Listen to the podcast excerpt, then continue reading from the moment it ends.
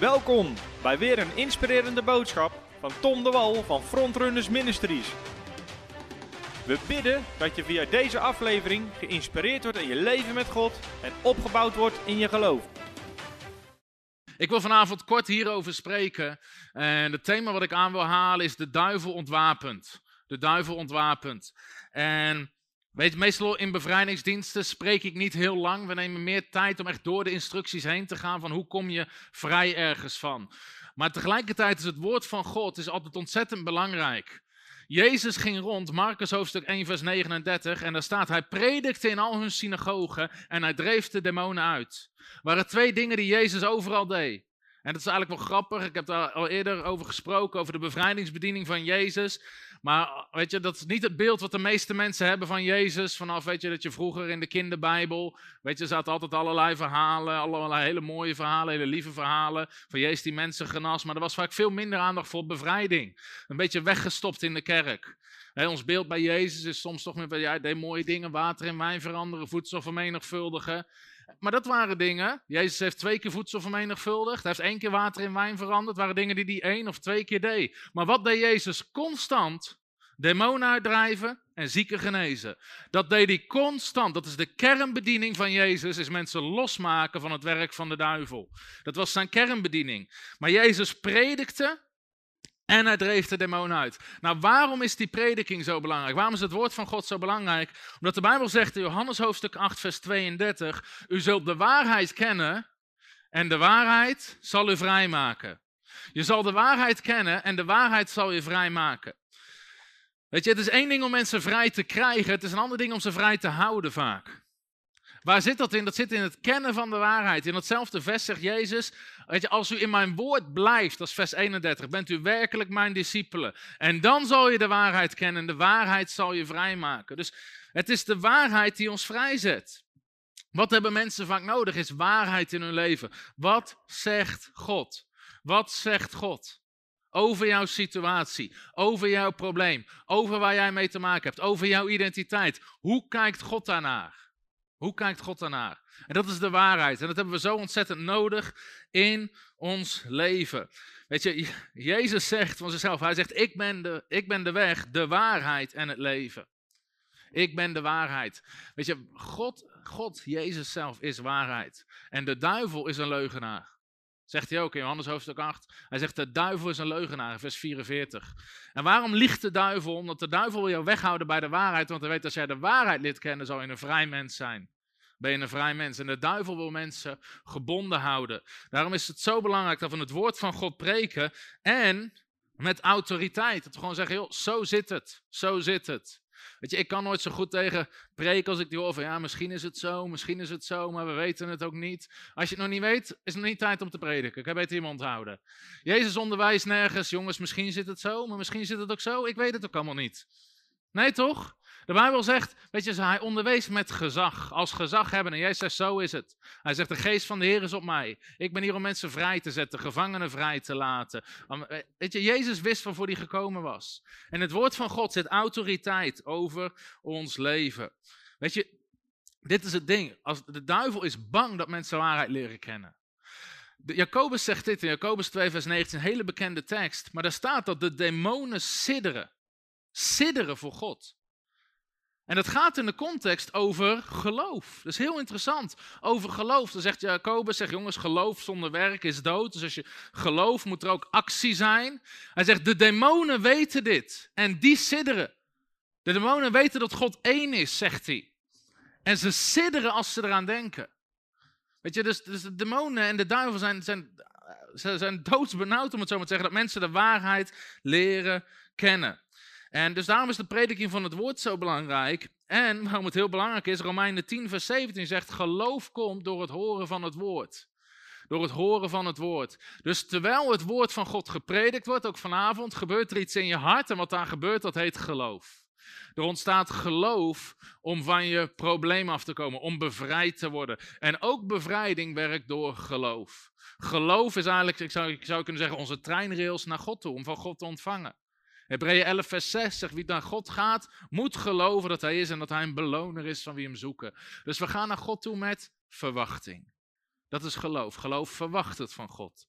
Geloof vertrouwt op God. Weet je, geloof je dat God je vanavond af gaat helpen van wat jij opgeschreven hebt op het briefje? Amen? Dat verwachten we. Dat geloven we. Dus je gebruikt je geloof. Dus ook bevrijding werkt door geloof. In Matthäus hoofdstuk 15, waarom die vrouw die komt naar Jezus toe, hoef je niet op te zoeken. En, maar, en op een gegeven moment zegt Jezus, zo'n groot geloof.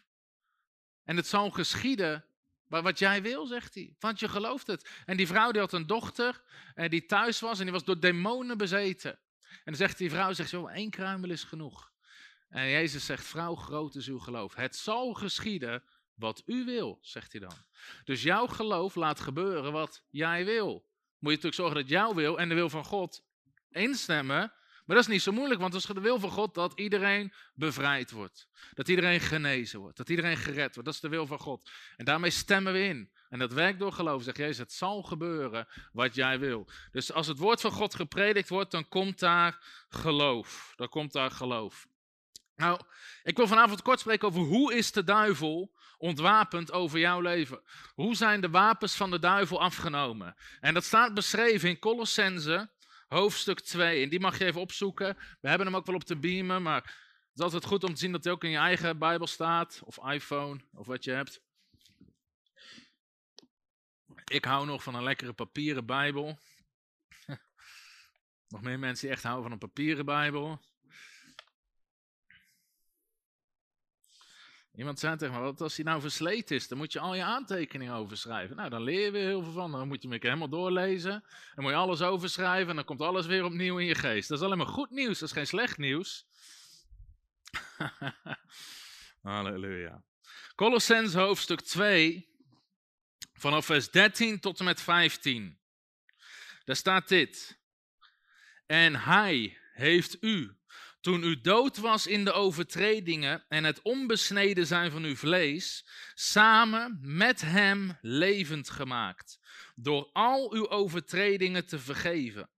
En het handschrift dat tegen ons getuigde uit te wissen. Dit handschrift was met zijn bepalingen tegen ons gericht.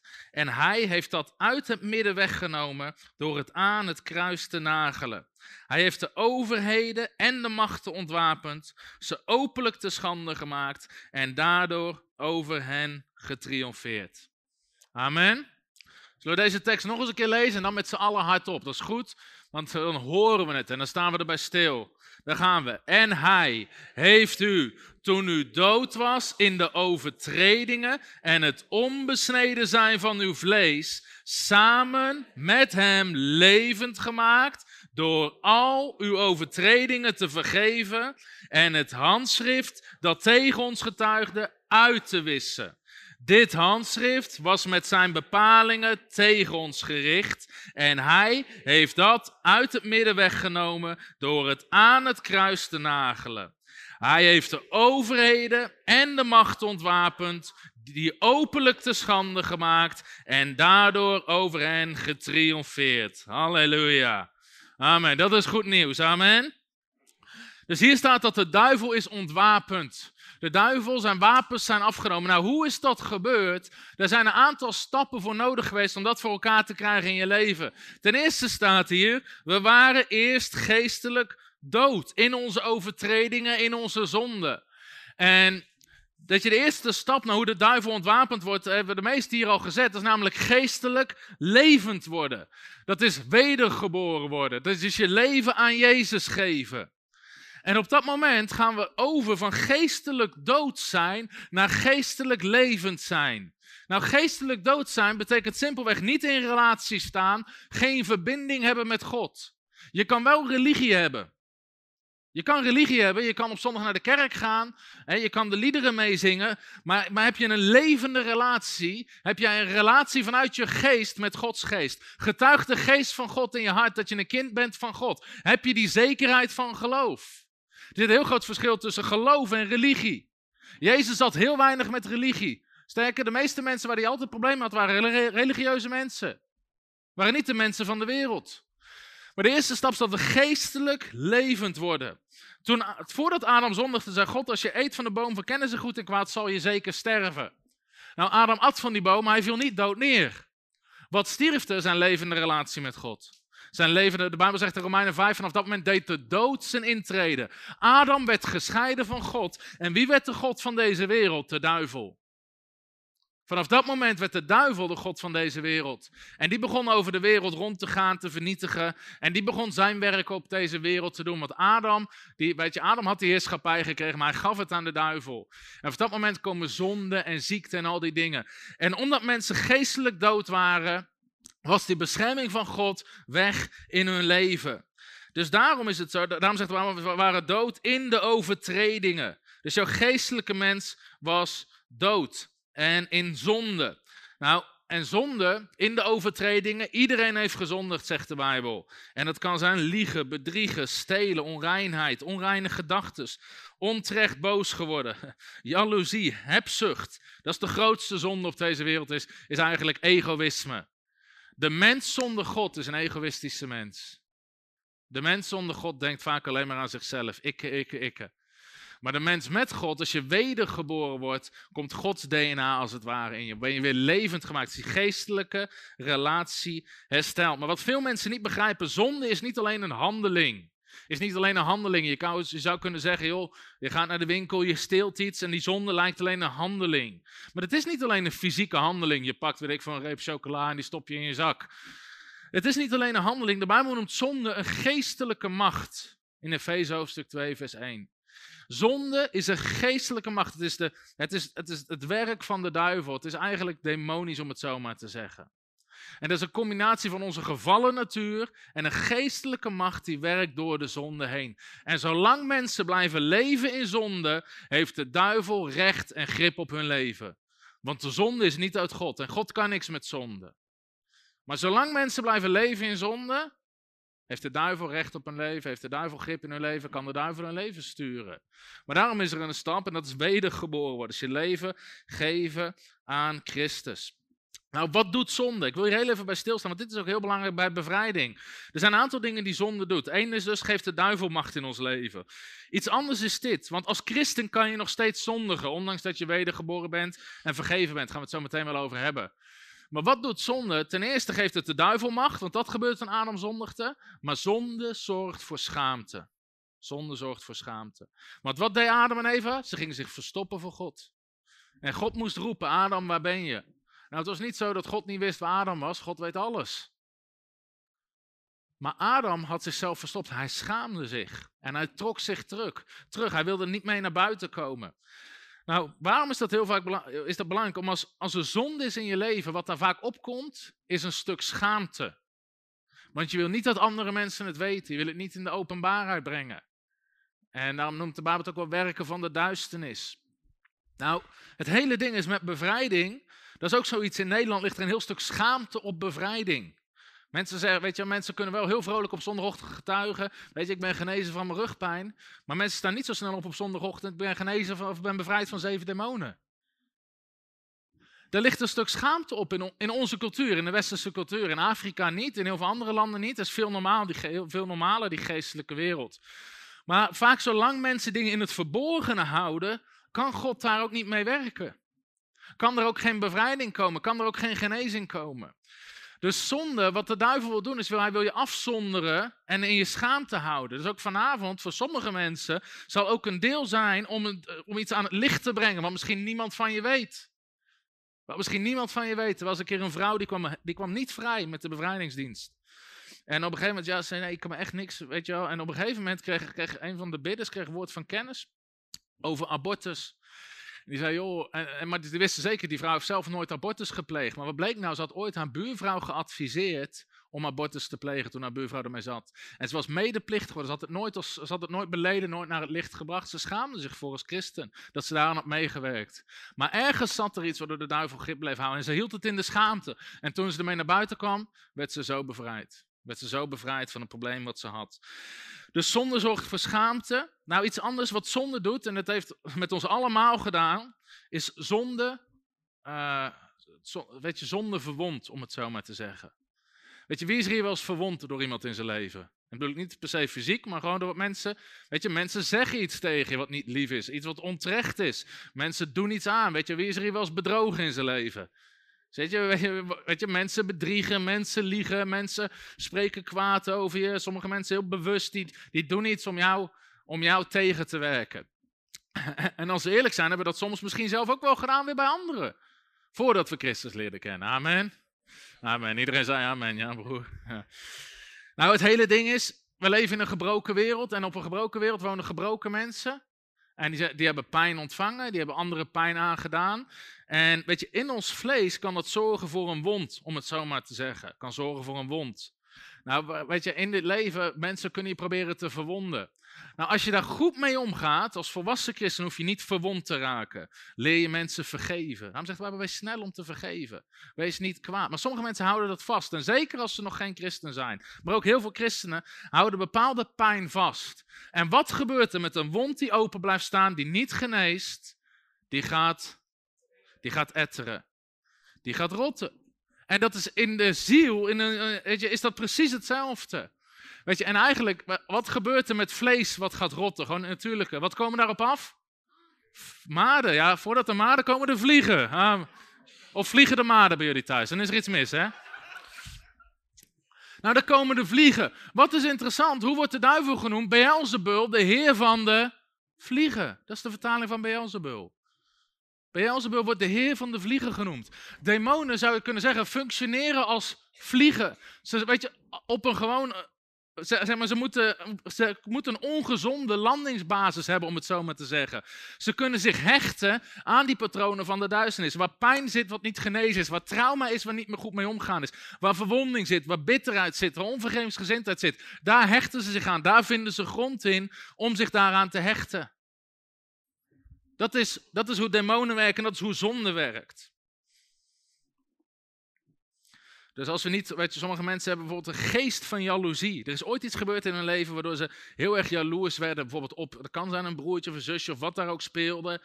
En die jaloezie hebben ze nooit mee gedeeld, hebben ze nooit, mee los, hebben ze nooit losgelaten. En sindsdien, je vindt mensen zijn overal jaloers op. Als er iets gebeurt met een collega, die wordt gezegd, jaloers, jaloers, jaloers. Het wordt een geest van jaloezie die door mensen heen gaat werken. En dat kan, sommige mensen hebben bijvoorbeeld last van een, van een leugengeest. Dus sommige mensen willen niet eens liegen, maar weet je, het gebeurt gewoon, lijkt alsof ze ze overkomt. Het is een patroon wat ze opgebouwd hebben in zijn leven, omdat ze ergens een deur openzet voor een leugengeest. Voor sommige mensen is het de geest van woede. En dat mensen in een, een soort oncontroleerbare woede hadden. En mensen zijn een keer onterecht boos geworden of wat dan ook. We hebben die boosheid vastgehouden. En er hecht zich daar een geest van woede op. En eh, tijdens de bevrijding is het een paar een paar keer terug werd een, uh, werd een jonge vrouw bevrijd, ook van een geest van boosheid. En die geest die riep door haar heen, ik ben niet boos, ik ben heel lief.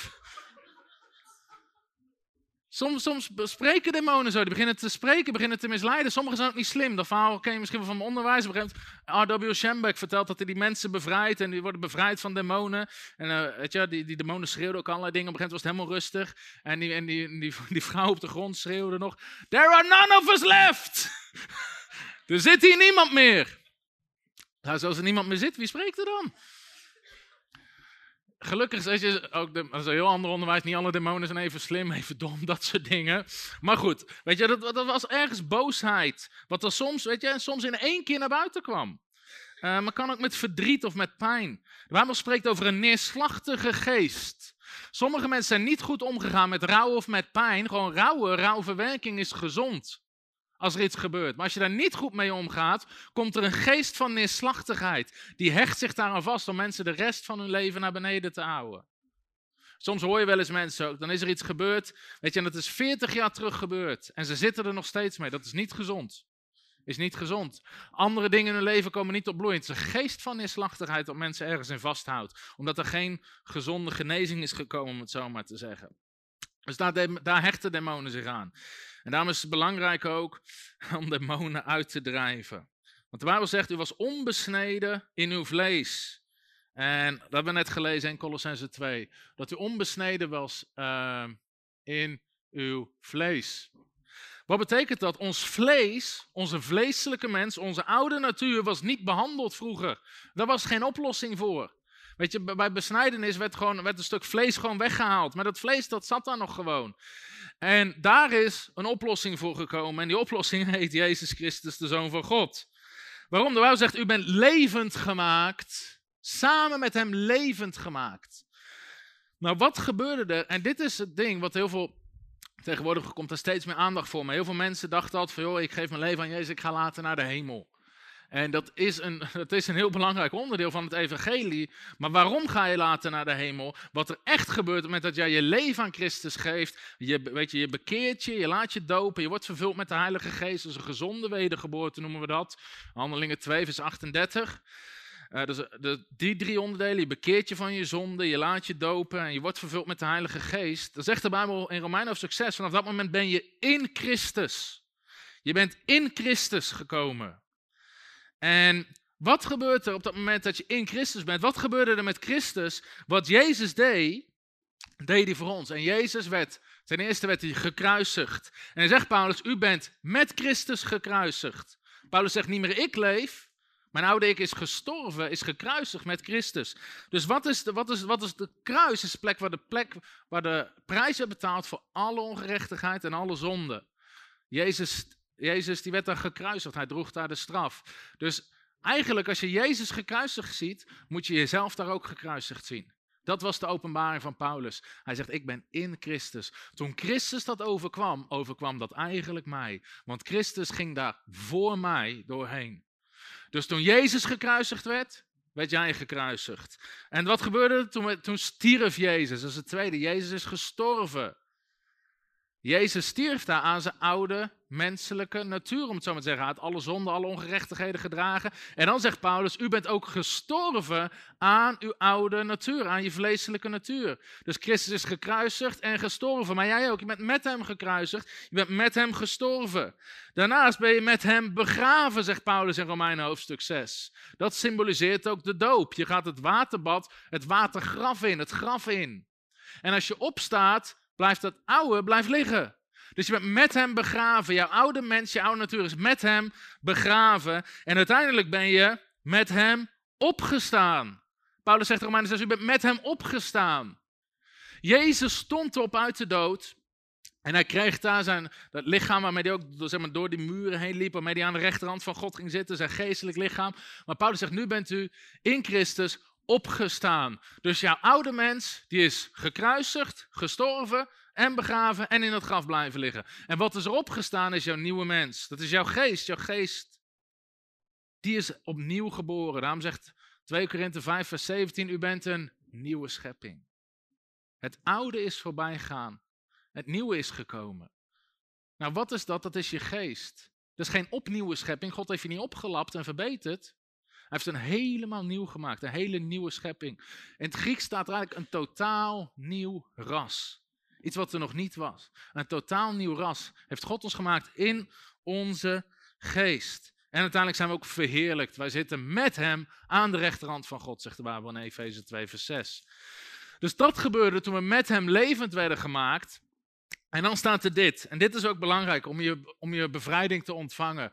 Door al uw overtredingen te vergeven en het handschrift wat uh, tegen, dat tegen ons getuigde uit te wissen. Dit handschrift was met zijn bepalingen tegen ons gericht. En hij heeft dat uit het midden weggenomen door het aan het kruis te nagelen.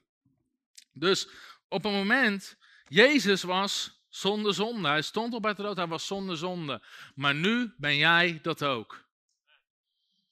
Nou, zeg zo, maar dat kan je niet zeggen. Jawel, net gedaan. Drie seconden terug. Jij bent die nieuwe schepping. Als God naar jou kijkt, kijkt hij naar die nieuwe schepping. 2 Korinthe 5, vers 20 zegt, dat is de gerechtigheid van God. God heeft jou gerechtvaardigd. God heeft jou helemaal gerechtvaardigd. Al je overtredingen, je fouten, je zonden, je misstappen, al die dingen zijn vergeven. Zijn helemaal vergeven. Dit is het ding. God denkt er niet eens meer aan.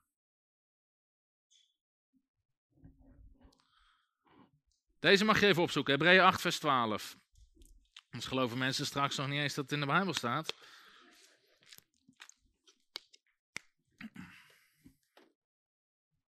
Kijk, sommige mensen blijven hangen bij het feit dat ze een zondaar zijn. En dan blijf je ook hangen bij het feit dat de duivel grip heeft over je leven.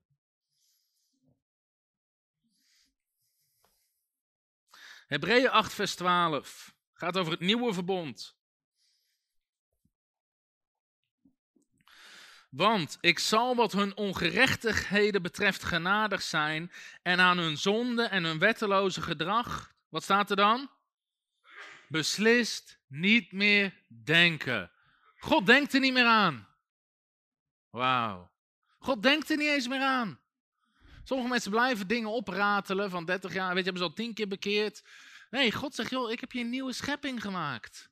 Weet je, en dit is zo'n grote sleutel om af te komen van dit soort dingen. Als mensen de waarheid leren kennen, dan kom je vrij. Dan kom je vrij.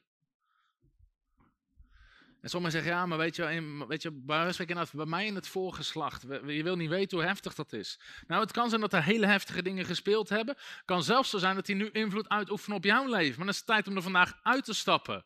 En te zeggen, in geloof, ik ben een nieuwe schepping. 1 Petrus 1 vers 18 staat dit. Deze is voor de mensen die, denken, die altijd denken in voorgeslacht en dat soort dingen. Nogmaals, er kunnen daar dingen zitten, gaan we ook ons van bekeren als dat zo is. Maar, maar die macht is afgenomen, want er staat, u bent vrijgekocht van de zinloze levenswandel die u door uw vader overgeleverd is. Ben je van vrijgekocht door het bloed van Christus. Je bent helemaal nieuw geworden. Je bent een nieuwe generatie. Sommige mensen zeggen, ja, maar hartfalen zit al zeven generaties in, ons, in onze familie. Dan was jou, degene boven jou was de laatste. Bij jou niet meer, jouw kinderen niet meer, je kleinkinderen niet meer. Jij bent een nieuwe schepping.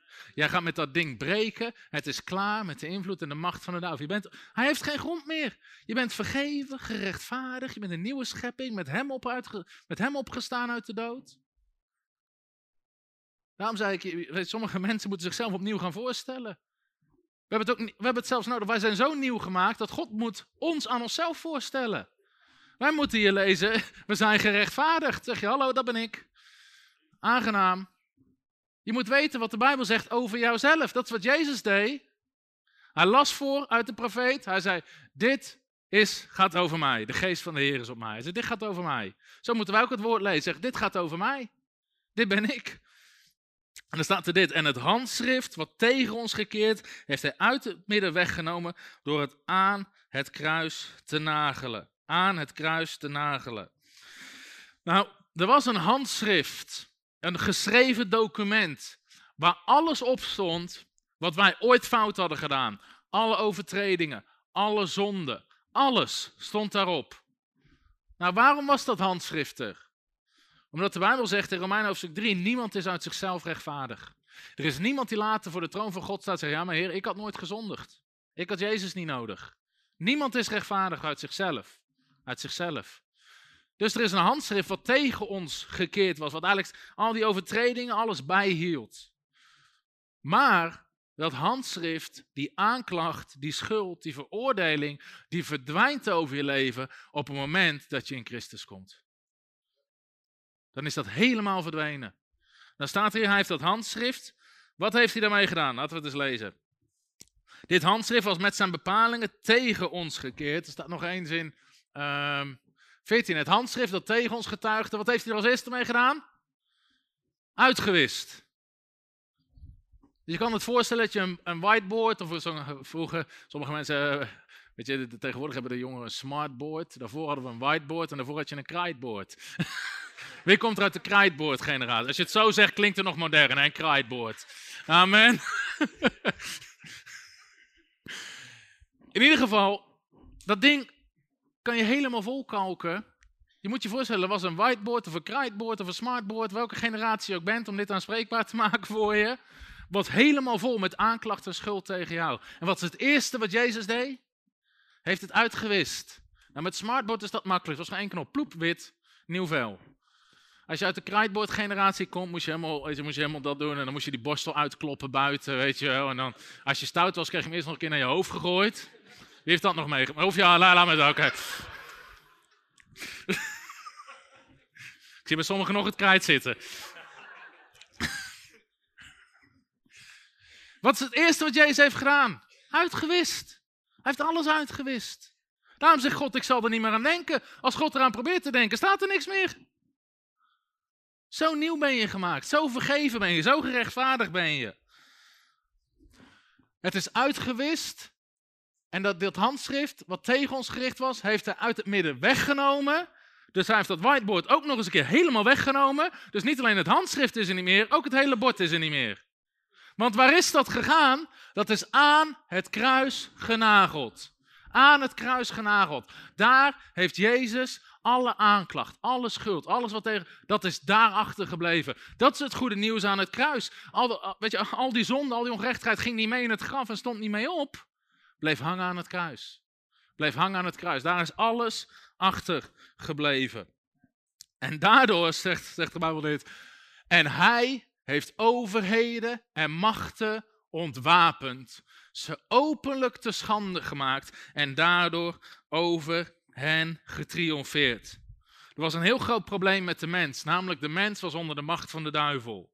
Hoe lang blijft de duivel macht houden over de mens? Zolang ze vastzaten in zonde en ongerechtigheid. Zolang ze vastzaten in dat vlees wat niet besneden was. Zolang ze daarin klem zaten, was er geen oplossing voor de mens. En had de duivel macht over de mens en autoriteit over de mens. De duivel had een claim op de mens, omdat hij kon zeggen: Weet je, ze hebben gezondigd, ze behoren mij toe. Ze behoren mij toe. Dus er was maar één manier voor Jezus om de duivel te ontwapenen. Dat was dat hij, terwijl hij rechtvaardig was, onrechtvaardig gestraft is en de prijs heeft gedragen, zodat wij, die onrechtvaardig zijn, juist vrijgesproken kunnen worden en zijn rechtvaardigheid krijgen. En daardoor, omdat hij dat heeft gedaan, heeft hij de duivel ontwapend. Heeft hij de duivel ontwapend. Waarom? Waardoor had de duivel macht over je leven? Door zonde. Maar wat is daarmee gebeurd? Dat is er niet meer. Door schuld. Maar er is geen schuld meer. Door mensen te veroordelen. Maar er is geen veroordeling meer. Door van generatie op generatie dingen door te spelen. Maar dat is ook vrijgekocht door het bloed van Christus. Elk wapen wat de duivel gebruikt tegen de mens, heeft Jezus afgenomen. De dood is geen vijand meer. Want we hebben in Christus eeuwig leven ontvangen. Al die dingen die Jezus gebruikte, of al die dingen die de duivel gebruikte, heeft Jezus afgenomen. Hij heeft ze ontwapend. Ieder wapen is afgenomen. De duivel heeft geen autoriteit meer. Matthäus 28. Jezus is opgestaan uit de dood. Zijn discipelen zien hem. Wat is het allereerste wat hij zegt? Mij is gegeven alle macht in hemel en op aarde. Dat is het eerste statement wat hij maakt naar de discipelen. Om even iets recht te zetten. Mij is gegeven alle macht in hemel en op aarde. Hoeveel is alles? Alles. Alles. Hoeveel heeft de duivel? Nul. Het is heel simpel. Als Pietje drie appels heeft en Jan pakt ze alle drie af, hoeveel heeft Pietje er nog? Nul. Dat is wat Jezus deed bij de duivel. De duivel had allerlei wapens. Jezus heeft ze allemaal afgepakt. Hoeveel heeft de duivel er nog? Nul. Hij heeft geen wapens meer. Hij heeft geen macht meer. Hij heeft geen kracht meer. En Paulus, het beeld wat Paulus hier schetst, hij zegt hij heeft overheden en machten ontwapend, ze openlijk te schande gemaakt en daardoor over hen getriomfeerd. Vroeger in die tijd was het zo, en het was voor mij nog steeds zo, de Tweede Wereldoorlog, als de vijand was overwonnen, dan werden uh, alle wapens, ze werden overwonnen, alle wapens werden afgepakt en er werd er soms een triomftocht gedaan.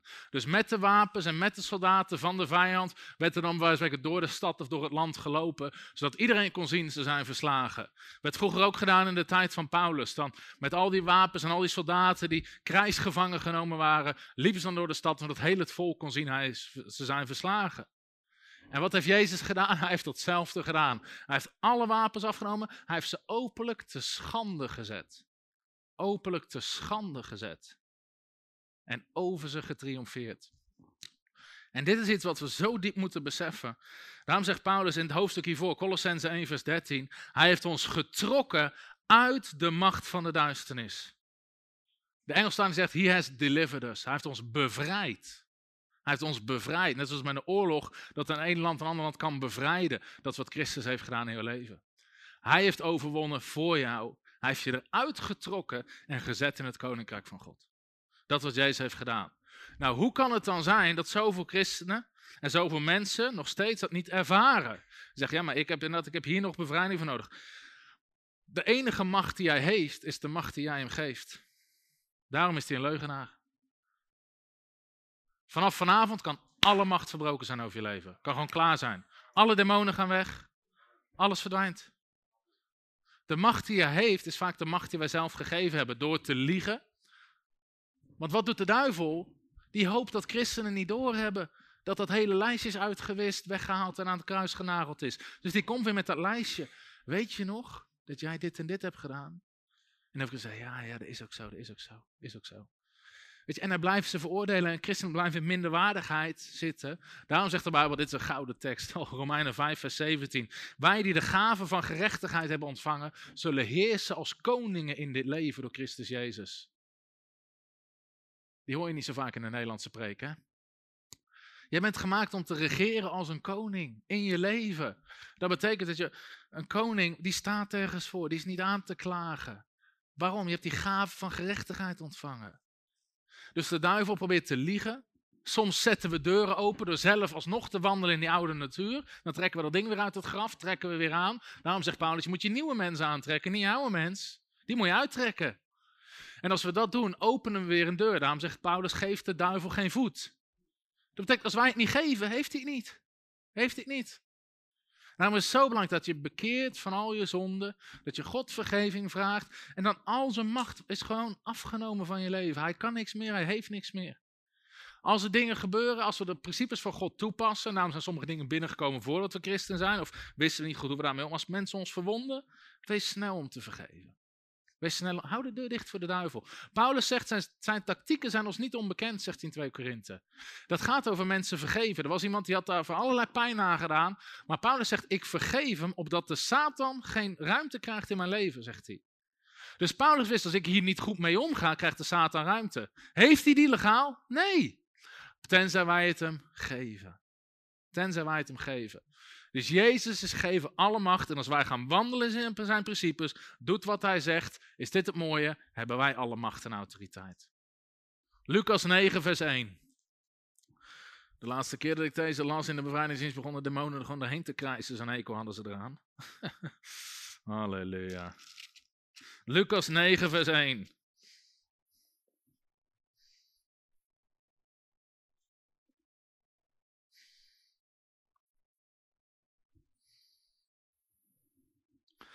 Lucas 9, vers 1, daar staat dit. Hij riep zijn twaalf discipelen bijeen en gaf aan hen kracht en macht. Over hoeveel demonen? Over alle demonen. Alle demonen. Gaf hij aan zijn twaalf discipelen. Later gaf hij het aan de zeventig. Het hoofdstuk hierna gaf hij het aan de zeventig. De zeventig kwamen terug. Het eerste wat ze zeiden, ze Heer, de demonische geesten zijn in uw naam aan ons onderworpen. We hebben autoriteit. En later gaf hij het aan alle gelovigen. Marcus 16, vers 17. De gelovige zal in mijn naam demonen uitdrijven. Demonen uitdrijven. Jij hebt autoriteit over demonen. Jij hebt autoriteit over duisternis. Vorige keer gepreekt over Lucas 10, vers 19. Ik geef je de autoriteit om op slangen en schorpioenen te trappen. En de gehele lege macht van de vijand. En niets zal jou kwaad doen. Dat is de belofte van God. Slangen en schorpioenen, die demonische machten, vertrap je gewoon. En niets gaat je kwaad doen. Je hebt autoriteit over die hele lege macht. Maar dit wilde ik met je delen. Voordat we het bevrijdingsproces ingaan. Omdat nu sta je er anders in. Nu weet je, ik ben een hele nieuwe schepping. We gaan al die deuren sluiten. En het is tijd om demonen dakloos en werkloos te maken. Amen.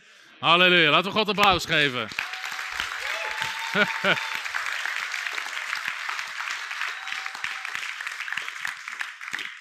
dat het UWV van de duivel morgen weer vol zit. Ze hebben allemaal geen werk meer.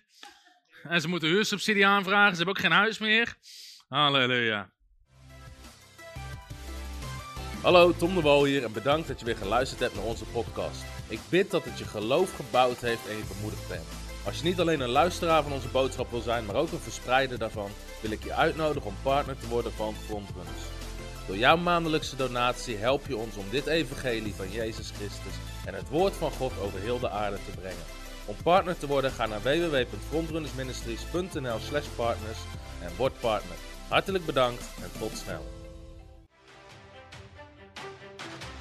Heb je ook zo genoten van deze inspirerende boodschap van Tom de Wal? Abonneer je dan op deze podcast. Volg ons op Facebook en op Instagram en kijk op onze website frontrunnersministries.nl.